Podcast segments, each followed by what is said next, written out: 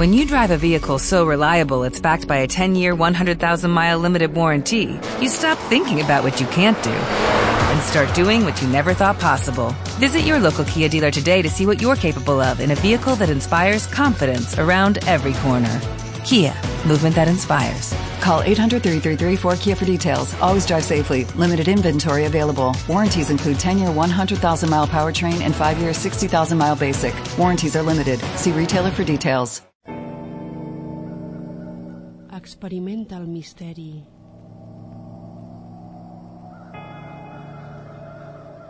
Les veus a la foscor, les presències espectrals. Viatge als llocs més embruixats.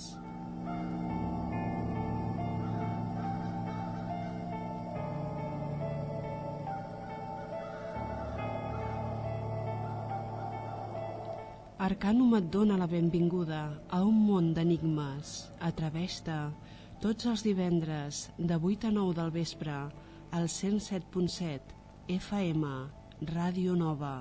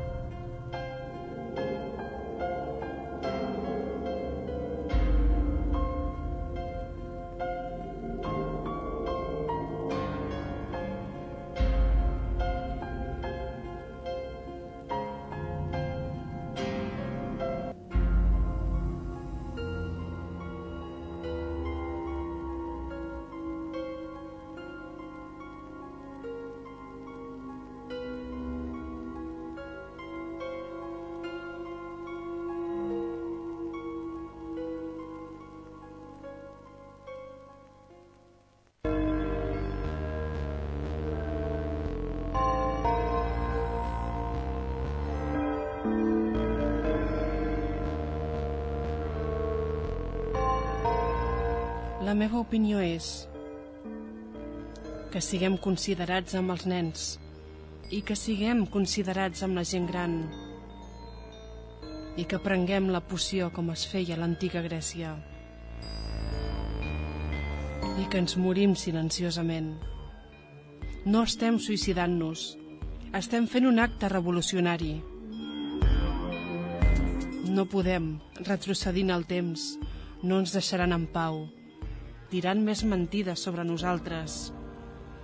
I això vol dir que vindran més congressistes.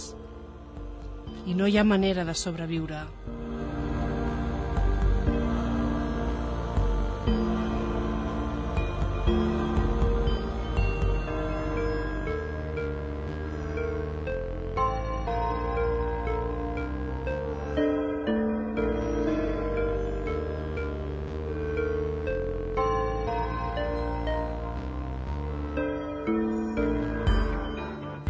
Bona nit, amics i amigues d'Arcanum.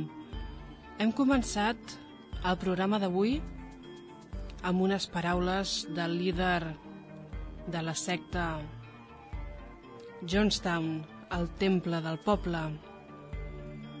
Jim Jones, responsable d'un terrible suïcidi massiu. Coneixerem més sobre aquesta història al llarg del programa.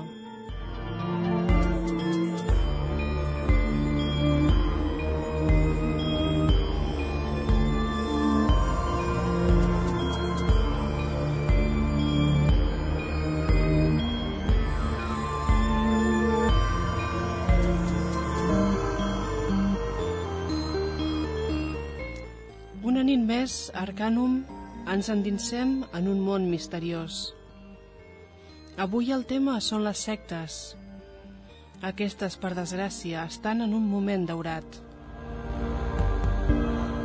La crisi produeix una gran desesperació en molta gent I quan una persona està desesperada, es debilita i és més fàcil que les sectes la captin. Saben molt bé com fer-ho. La gent que cau a les sectes moltes vegades tenen alguna carència, interès o inseguretat. Les sectes troben aquí un camí per manipular. Qualsevol persona pot ser víctima d'una secta. Tu que estàs escoltant això, també pots caure en una secta. La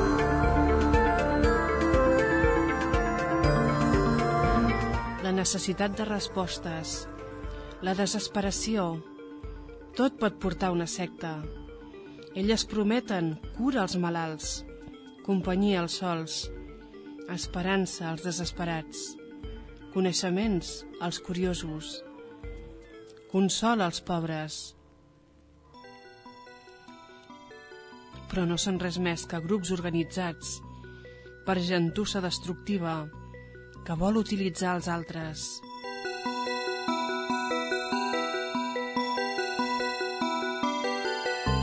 Et diuen que amb ells tot anirà bé, però realment tot anirà fatal. Destruiran la teva vida.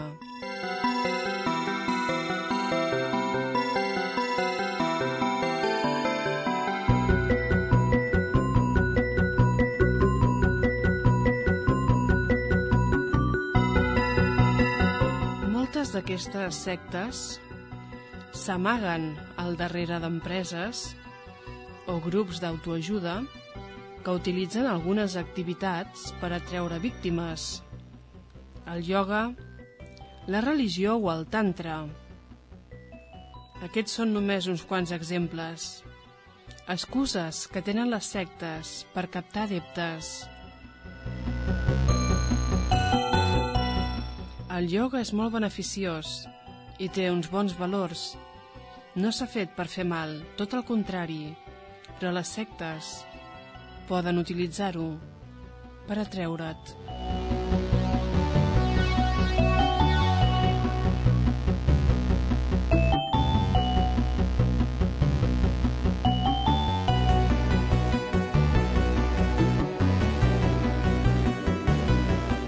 Les sectes tenen sempre un líder, un personatge que diu tenir una missió especial. Normalment tenen cert carisma, són dominants, de manera que poden convèncer els altres. Són individus que volen ser venerats, de manera incondicional. La víctima de la secta pot trobar-se fent qualsevol cosa pel líder, fins i tot morir per ell.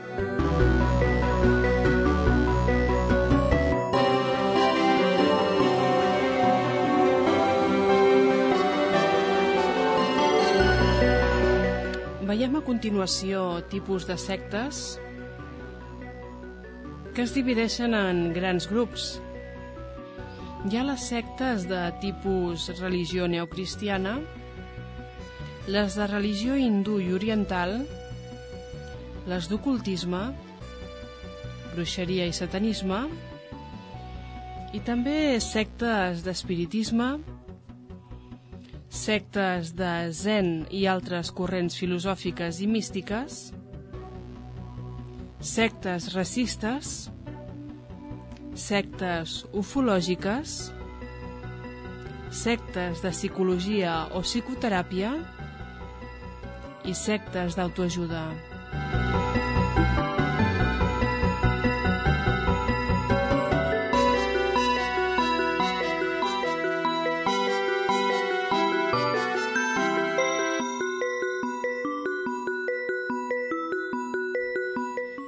Doncs utilitzen diferents temes per atreure la gent.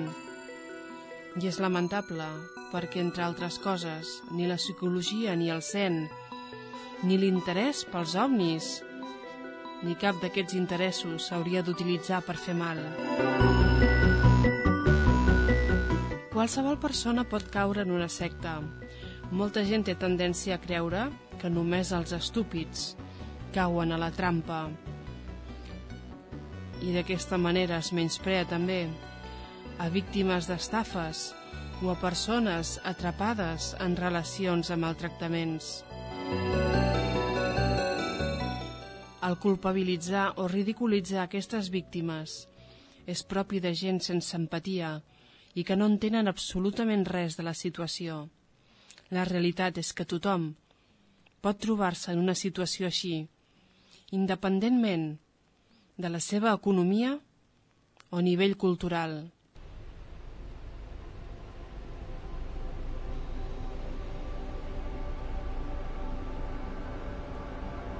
Un moment difícil a la vida com tants n'hi ha pot ser un dels punts amb més risc per caure en una secta.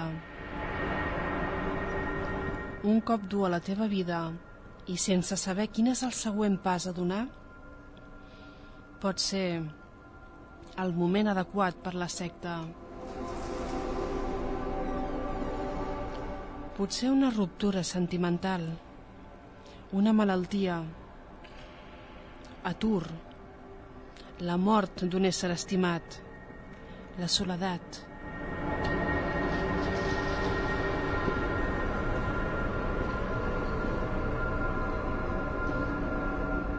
Hi ha hagut reclutadors que han anat a treballar a oficines de registres d'una universitat per veure qui abandonava els seus estudis. Entre aquests individus hi havia un percentatge de gent amb problemes econòmics per seguir pagant els estudis. O potser de desmotivació, o de no tenir clar què fer amb la seva vida, o frustració per mals resultats acadèmics. Entre aquestes persones, moltes d'elles tenien algun tipus de problema. I sempre, alguna d'elles podia acabar a la secta.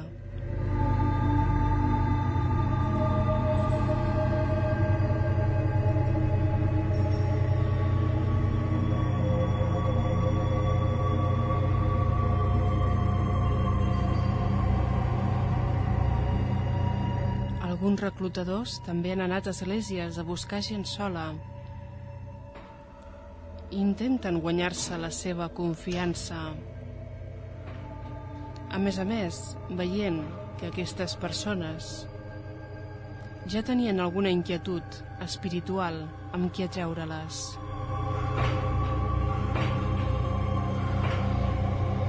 Algunes sectes posen especial atenció en reclutar gent amb diners a la que fan pagar cursos caríssims enriquint-se a costa de les víctimes.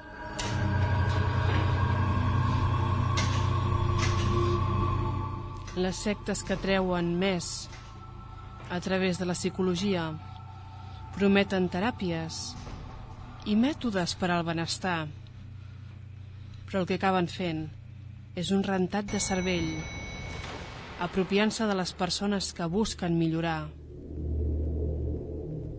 En aquestes sectes es veu sovint com s'esclavitza la víctima, que acaba fent feines de la llar per al líder, que acaben donant-li els seus diners. I també pot ser que acabin tenint relacions sexuals amb el líder i permetent que aquest dirigeixi tota la seva vida.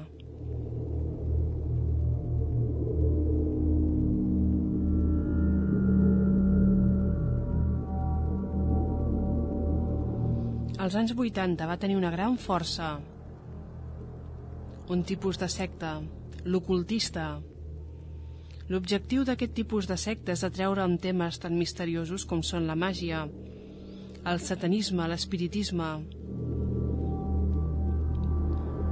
Als anys 80 va prendre una gran força la canalització.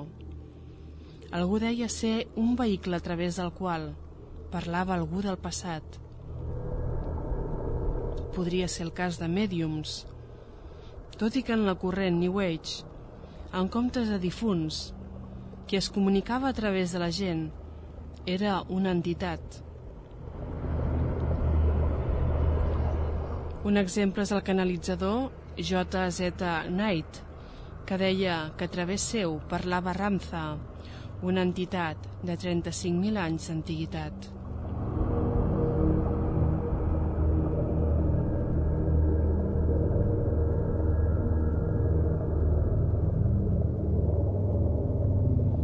Algunes sectes capten amb la promesa de la prosperitat, de poder ensenyar formes de pensament que porten abundància. Aquestes avui dia poden tenir un èxit especial, ja que moltíssima gent, fins i tot la que té més aptituds, es troba fora del mercat laboral i sense mitjans per aconseguir diners. La secta aconsegueix atreure aquestes persones i tot és una excusa per aïllar a les víctimes de les seves famílies i extreure'n els seus pocs diners.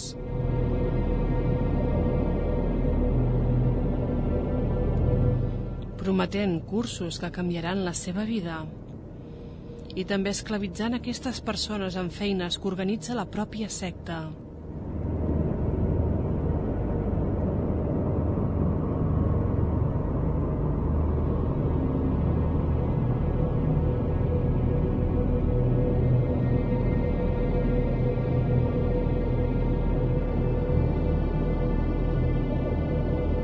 Sectes acaben per convèncer les víctimes, manipulant la seva ment, Edward Hunter va introduir al món occidental l'any 1951 el concepte rentat de cervell. Però aquest rentat és més antic i comú del que sembla. A la literatura s'ha vist el llibre d'Orwell, 1984, i a la història de la humanitat tenim molts exemples. Als anys 30 la Unió Soviètica es dedicava a manipular la gent perquè confessessin crims que no havien perpetrat.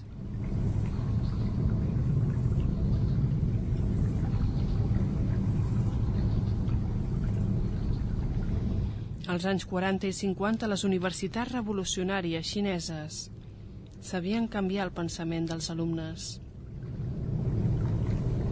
Mao Tse-tung, als anys 20, va escriure un programa de rentat de cervell que es va practicar al règim comunista xinès l'any 1949.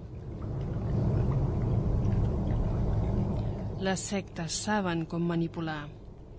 Aquest procés funciona de manera que desestabilitza el sentit de si mateixa que té una persona. S'aconsegueix també que aquesta víctima reinterpreti la seva pròpia història de manera diferent, i desenvolupant en ella dependència de la secta.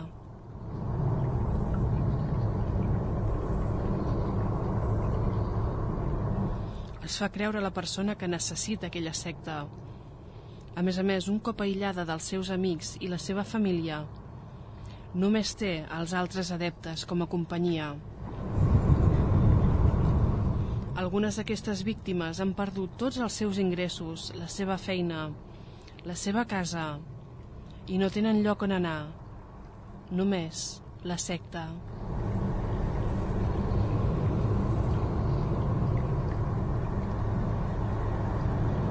Les sis condicions de Singer ens expliquen passos en els que es va produint aquest canvi en la persona captada per la secta.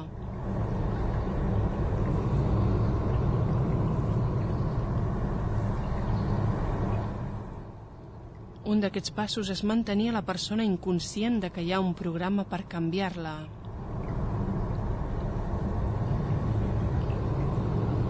Un altre pas és controlar el temps i l'ambient físic, com ara els seus contactes i activitats.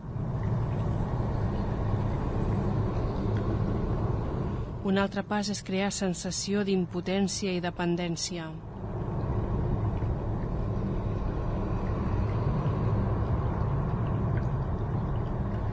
El quart pas, anomenat per Singer, és suprimir la personalitat pròpia. El cinquè pas és instal·lar una nova conducta. I el sisè i últim pas és presentar un sistema de lògica tancat.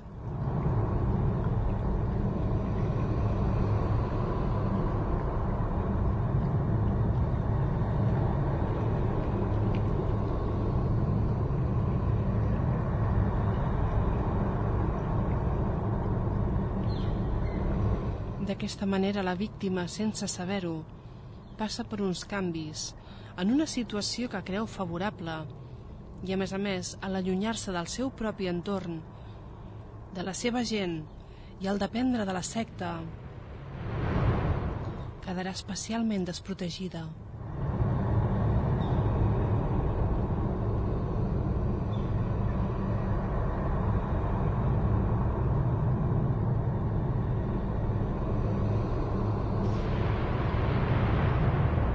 També cal tenir en compte els vuit temes de Lifton. Són temes psicològics identificats pel psiquiatre Robert Lifton i que són freqüents en ambients totalitaris.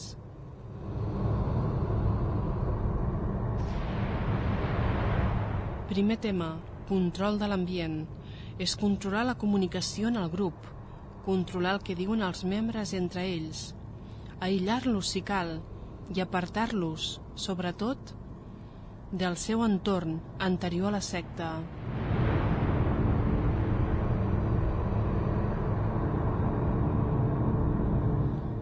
Segon tema, carregar el llenguatge. Consisteix en anul·lar el sentit crític i evitar qualsevol oposició. Algunes sectes tenen el seu propi argot, que aprenen els adeptes, conceptes propis i paraules de menyspreu, dirigides als que no formen part de la secta.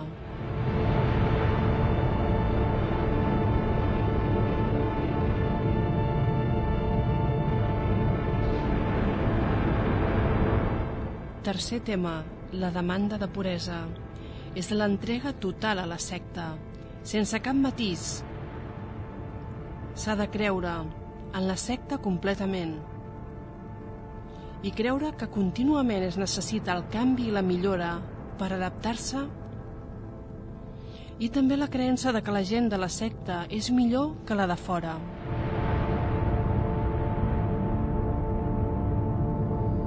Quart tema, la confessió.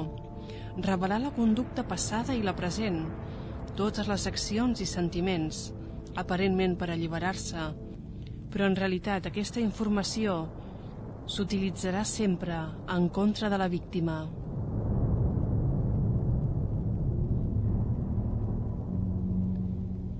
Cinquè tema. La manipulació mística.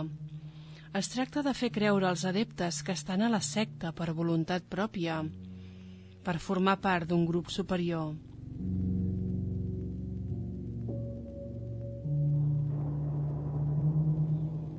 Sisè tema, la doctrina sobre la persona.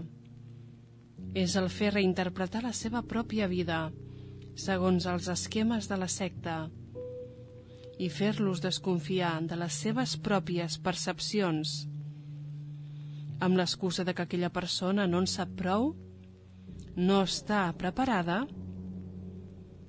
i que ha de seguir creient els líders i seguir la corrent sempre pensant que els líders saben molt més que ells.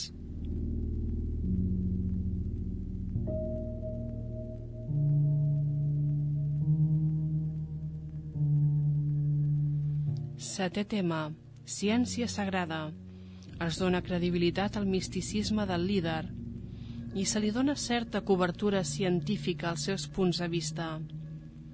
Aquests líders inflen currículums i es donen importància, a vegades afegint-se uns coneixements que ni tan sols tenen.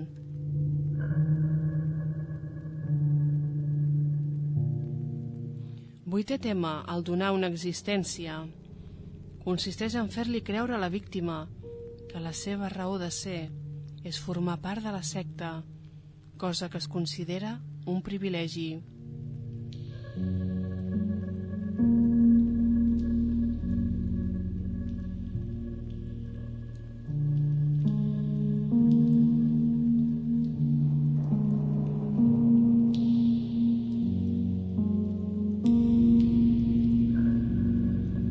Les sectes també exploten els seus adeptes.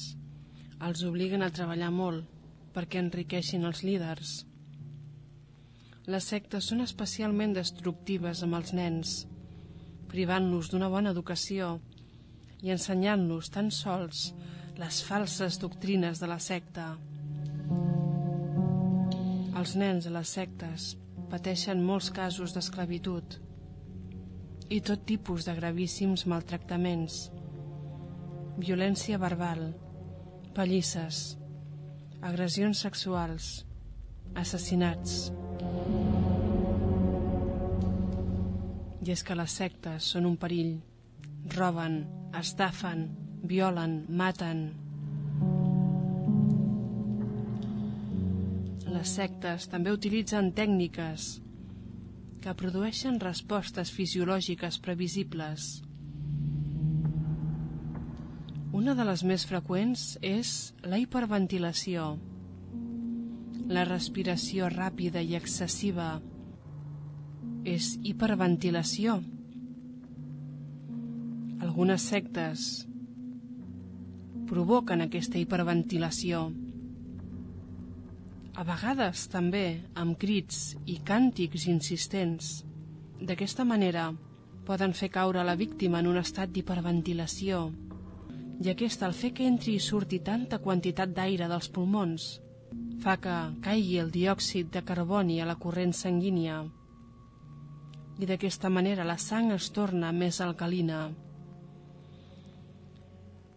És, doncs, el que es produeix, alcalosi respiratòria. El resultat d'aquesta alcalosi és mareig. Aquest perjudica el pensament crític. En els casos més extrems, també genera pànic, tremolor, sudoració, taquicàrdia, també poden produir-se rigidesa, convulsions i desmais.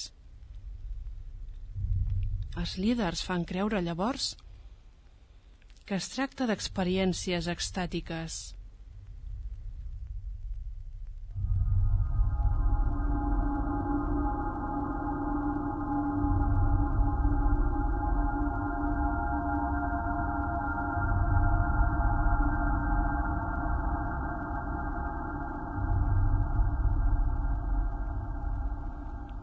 Per altra banda, les sectes també utilitzen els moviments repetitius, girs, salts, moviments de braços, que també generen un estat alterat de consciència i es poden combinar sovint amb els càntics que porten a la hiperventilació.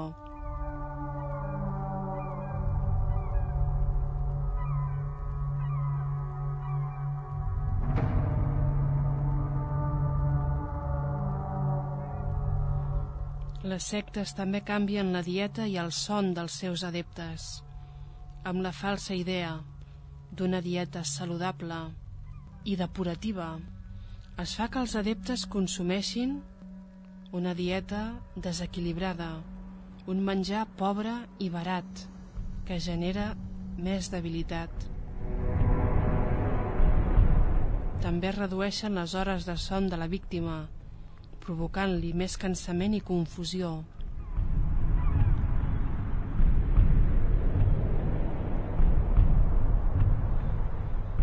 Tots aquests factors produeixen sovint canvis hormonals.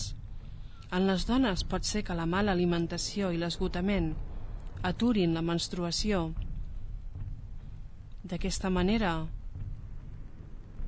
els líders acaben dient que aquella menstruació que falta en realitat és senyal d'estar esperant el fill d'una divinitat.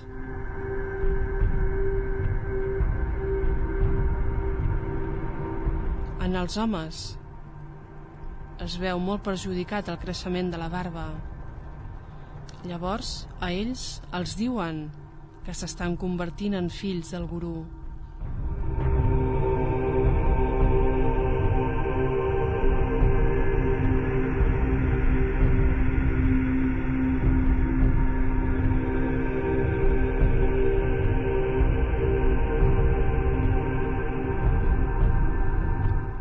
Les víctimes de la secta manipulades, debilitades i malaltes, veuen com el seu cos després necessitarà un temps per recuperar-se, però per fer-ho, el primer pas és abandonar la secta.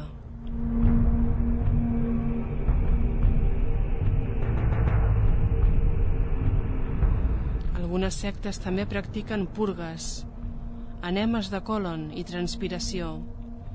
Són rituals simbòlics de neteja, però en realitat són una forma més de debilitar i tornar els adeptes dòcils i dependents.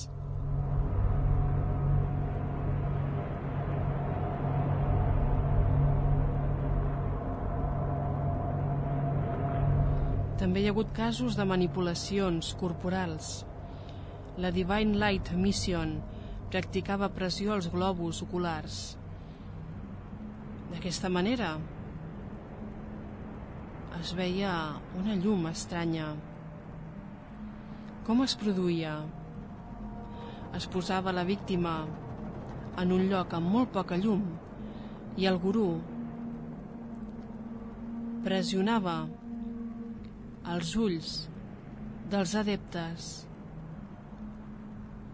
Aquesta pressió donava la sensació de veure una llum. Eren punts de llum totalment normals per la pressió del nervi òptic. Però segons el líder de la secta, en realitat el que estava veient la víctima era llum divina.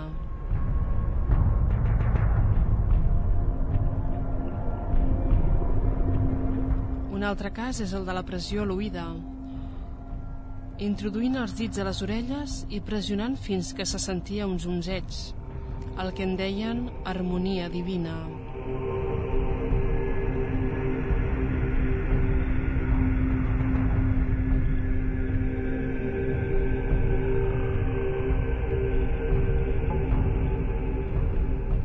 Les sectes també hi ha manipulacions doloroses, com ara pressionar fortament un punt sensible del cos de l'adepte i explicar que aquell dolor en realitat és una conseqüència d'un problema espiritual, quan en realitat es tracta d'una agressió física.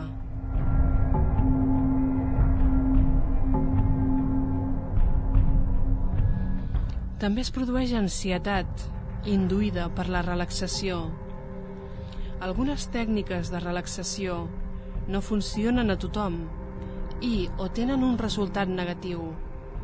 Estressen en comptes de calmar.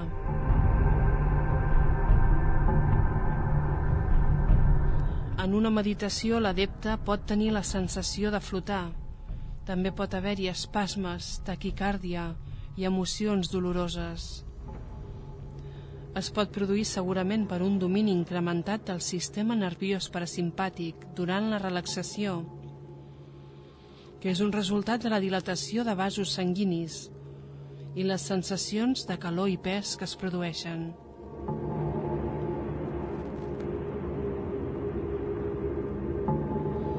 Els líders, que normalment no saben massa de meditació, aprofiten per dir que aquestes sensacions són experiències de canvi i d'il·luminació.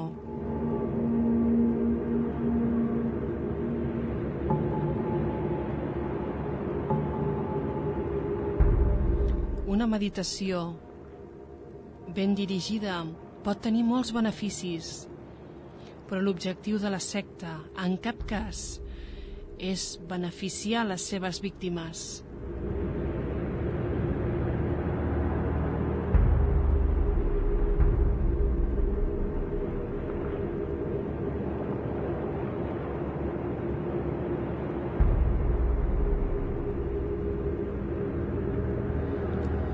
Les sectes també treballen molt amb la hipnosi i els estats de trànsit. D'aquesta manera els adeptes es troben en moments de més sensibilitat i menys consciència. També poden ser més obedients i manipulables.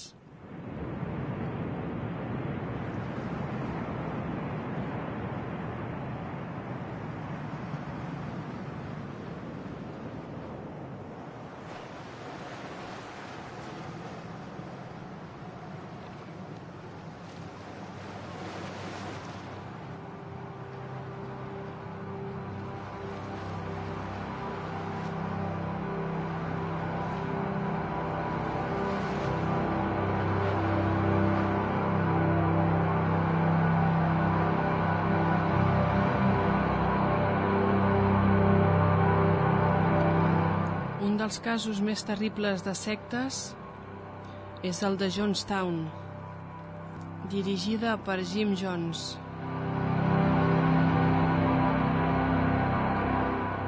El 18 de novembre de 1978, gent de la secta va matar cinc persones, entre elles un congressista, Leo Ryan, que estava ajudant a membres de la secta a fugir.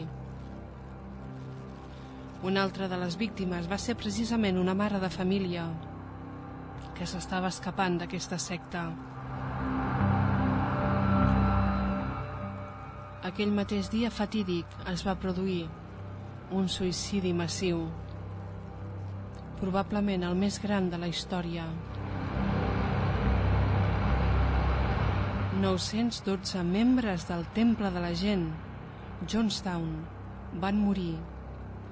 176 d'ells eren nens.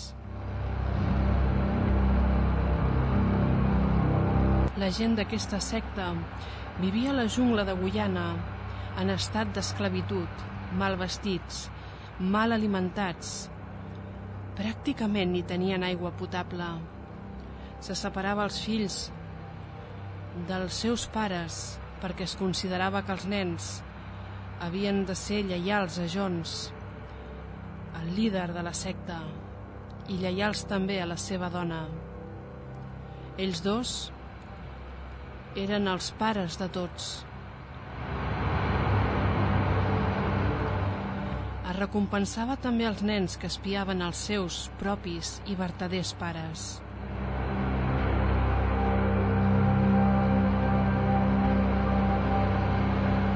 Els majors de 6 anys treballaven durant moltes hores a altes temperatures als camps i a la construcció.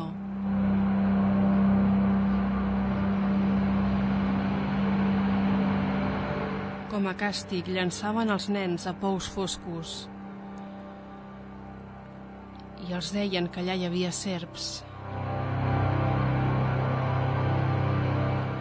Rebien forts cops, se'ls tancava, es despullava les nenes i les dutxaven amb aigua molt freda. I els nens els posaven electrodes als braços i els feien patir xocs elèctrics s'agradia sexualment als menors, els que s'obligava a tenir relacions sexuals amb gent influent a la que Jones volia convèncer. Jim Jones va violar alguns d'aquests menors i un dels supervisors dels nens tenia antecedents per abusos a menors.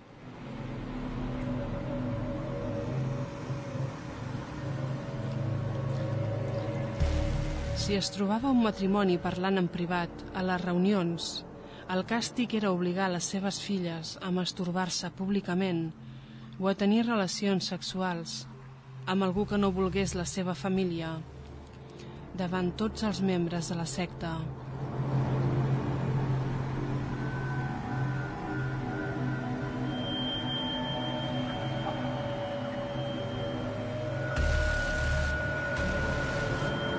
Als nens se'ls drogava i se'ls exposava a rituals de suïcidi massiu. N'hi va haver fins i tot 42.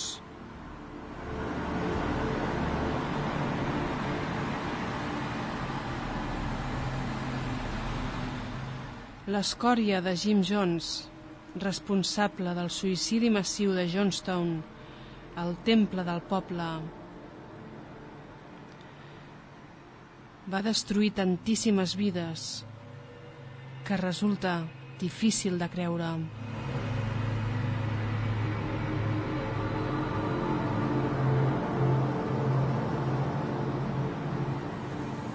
I alguns membres ni tan sols van arribar a suïcidar-se, sinó que se'ls va obligar a morir i sense cap mena de dubte els 176 nens de la secta van ser assassinats. Ells no van decidir absolutament res.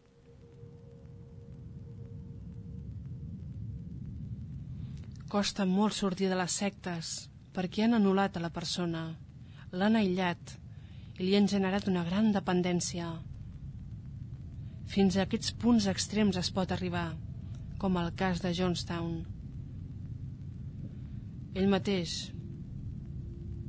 va deixar una gravació del suïcidi massiu, una gravació de veu que és esgarrifosa i escoltarem un petit fragment a continuació. Ell està parlant de ser considerats amb els nens i la gent gran, prenent el verí. Com podia ser que ell parlés de compassió i de consideració si estava destruint a les persones? Ell posava com a excusa aconseguir la pau. Ell parlava de que el món no estava preparat per ell i de que la secta patiria cada vegada més persecució i que no es podria viure d'aquesta manera i per això calia morir.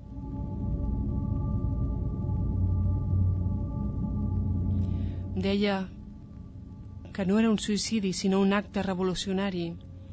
Deia que no s'havia de tenir por a la mort, que buscava la pau. Podria haver marxat ell sol, sense fer cap mal, però no. Els líders sempre busquen destruir els altres. La gravació és esgarrifosa. És molt llarga. En ella es pot sentir com algunes persones parlen amb ell. Una dona, Christine, fins i tot li deia que com a individu tenia dret a decidir que ella tenia por a morir i deia que els nens tenien dret a viure. Jim Jones li contestava que tenien dret a la pau i que ell havia lluitat tant per la pau de tota aquella gent. Altres persones donen suport a Jim Jones i al final de la gravació se sent com fan cua i com donen el verí Primer els nens.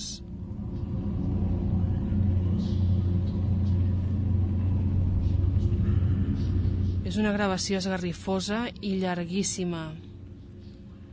Escoltem només la part en la que diu que cal prendre la poció com es feia a l'antiga Grècia. Tenir consideració amb la gent gran i amb els nens que el suïcidi era un acte revolucionari. Escoltem-ho. So, my opinion is that we be kind to children and be kind to seniors and take the portion like they used to take in ancient Greece and step over quietly because we are not committing suicide. It's a revolutionary act. We can't go back. They won't leave us alone. They're now going back to tell more lies, which means more congressmen, and there's no way, no way we can survive. Hmm?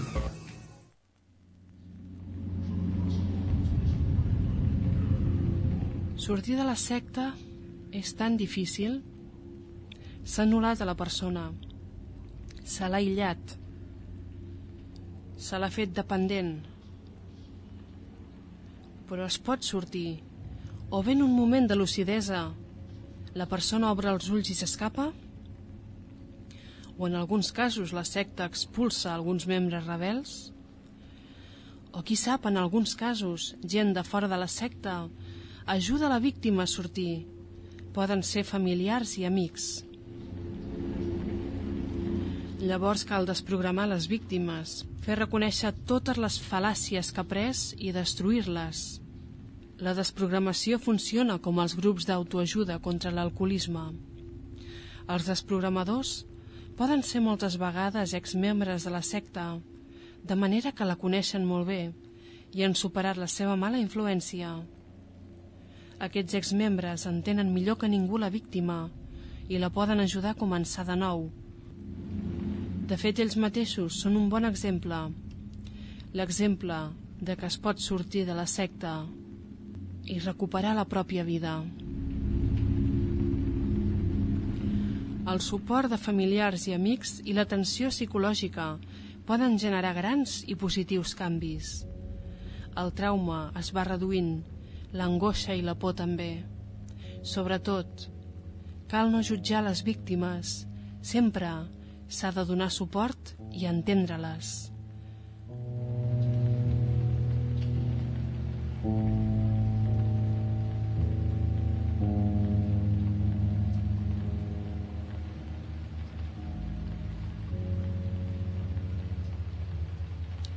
Un altre cas desgraciat de secta i mort és la dels Davidians, fundada per un altre fals masies ple de crueltat, ego i estupidesa, David Koresh, que li va donar per dir que era Jesús.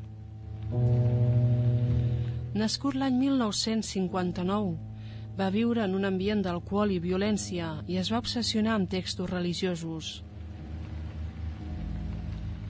es va unir a l'església adventista del setè dia, enamorant-se de la filla del pastor i dient-li al pastor que Déu volia que la seva filla fos la seva dona. Després d'una insuportable situació d'assetjament, el pastor el va expulsar.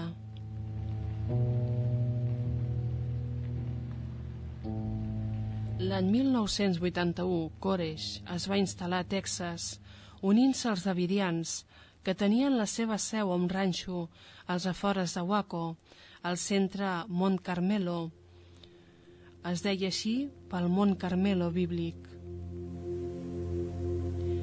Allà va tenir una relació amb Lois Roden, la líder de 76 anys. Koresh deia que Déu ordenava que havia d'engendrar un fill amb ella, que seria l'escollit.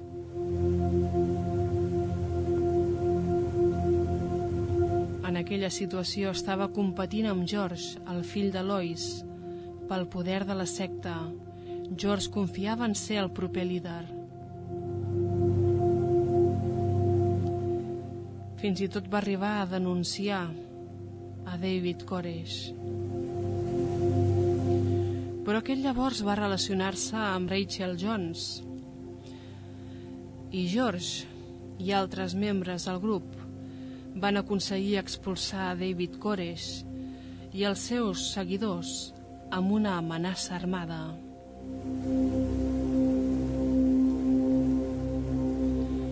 El grup de Koresh va anar creixent i aquest va començar a tenir relacions sexuals polígames i amb menors d'edat, com ara Karen Doyle, de 14 anys, amb qui es va casar, i després amb la seva germana, de 12 anys.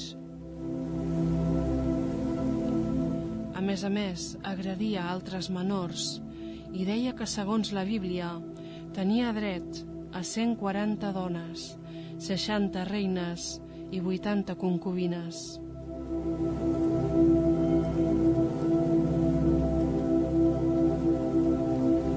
Finalment les autoritats van intervenir amb enfrontaments armats. I és que David Koresh estava molt armat. La secta posseïa moltíssimes armes. El 19 d'abril hi va haver un tiroteig en el que van morir agents de policia i adeptes. A més a més, un incendi va destruir el ranxo i allà va morir molta gent carbonitzada.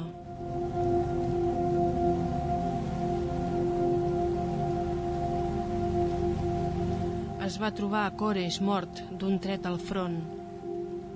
Es creu que l'incendi van provocar-lo els mateixos adeptes per suïcidar-se.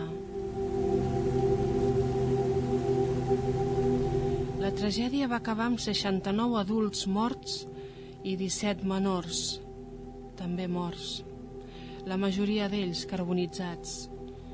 Va ser el 1993, un cas terrible tant de bo aquelles persones haguessin tingut l'oportunitat de fugir d'aquell món sectari.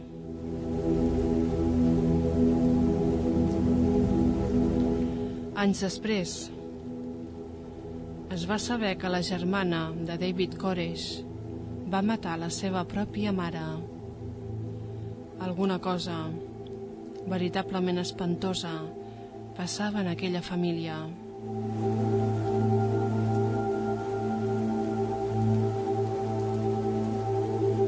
Altre cas molt conegut de secta i suïcidi massiu és el de Heaven's Gate, l'entrada al cel. Era una secta de temàtica ovni.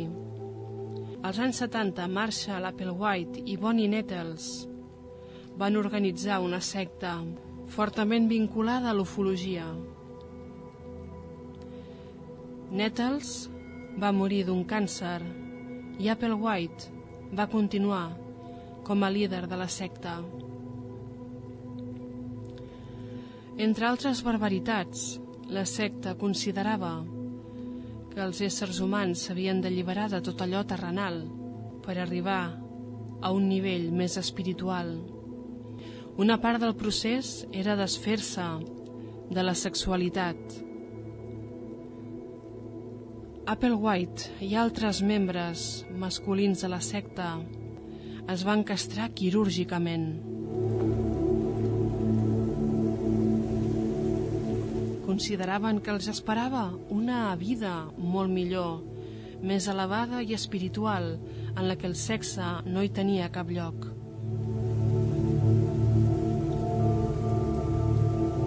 Tots els adeptes van adoptar un aspecte bastant asexual i van acabar allunyant-se del món i pensant que havien de tenir un contacte extraterrestre per evolucionar. Als anys 90 tot va empitjorar molt més.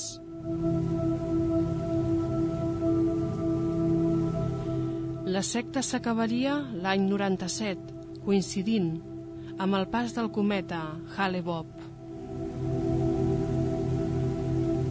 Es va produir llavors un suïcidi massiu per enverinament. Els adeptes consideraven que aquesta mort portaria la seva ànima a un nivell sobrehumà i que s'unirien a una nau amagada rere el cometa Hale-Bopp. Aquesta nau espacial els dirigiria a una vida millor i els allunyaria de la Terra destinada a la catàstrofe. Van trobar gairebé 40 persones mortes en aquesta secta. Les imatges esgarrifoses van donar la volta al món. Aquests adeptes, estirats al llit, van aparèixer morts, amb una espècie d'uniforme negre, amb el nom de la secta i amb un calçat Nike.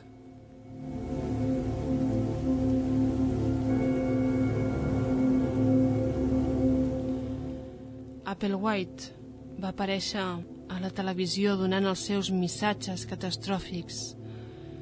I era esgarrifós veure'l, la seva mirada extraviada, amb aquells ulls tan oberts de fanàtic. Realment resultava impressionant i espantós.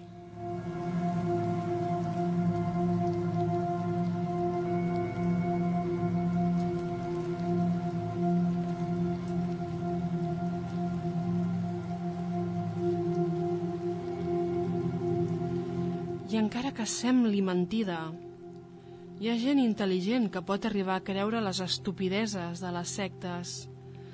Com hem dit al llarg del programa, qualsevol persona pot ser víctima d'aquestes sectes. Per aquesta raó, és tan important no seguir la corrent, mantenir sempre l'esperit crític, però entendre que qualsevol persona en un moment debilitat i amb la manipulació adequada pot ser víctima d'una secta. Tinguem empatia amb les víctimes. Cuidem-nos.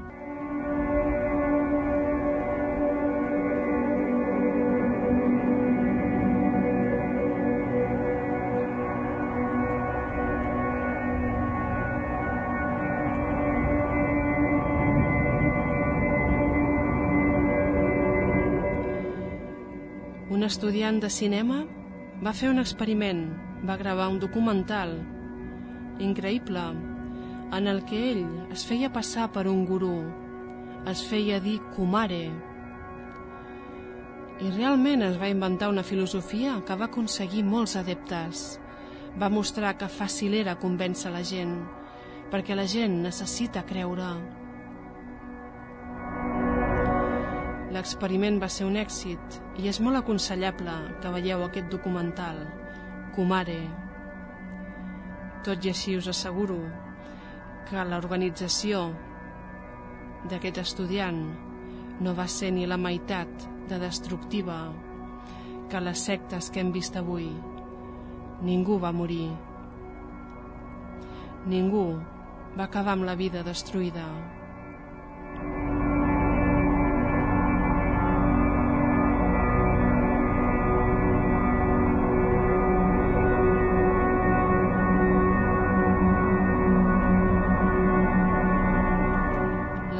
Sectes poden atacar qualsevol.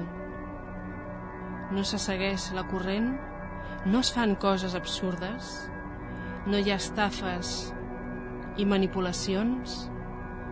La gent no cau en ambients desagradables, en relacions tòxiques i no vota a partits polítics que han demostrat una i una altra vegada que són una desgràcia per la societat? Ningú se'n salva. A tots ens poden enganyar. Cuidem-nos i coneguem l'enemic. Coneixeu algun grup que encaixi en el que hem vist al programa d'avui? Amb esperit crític i empatia, ajudem-nos uns als altres a poder ser més lliures.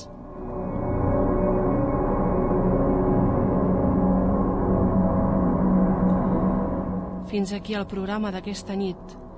Moltes gràcies. Ens retrobarem de nou al proper programa. Fins aviat.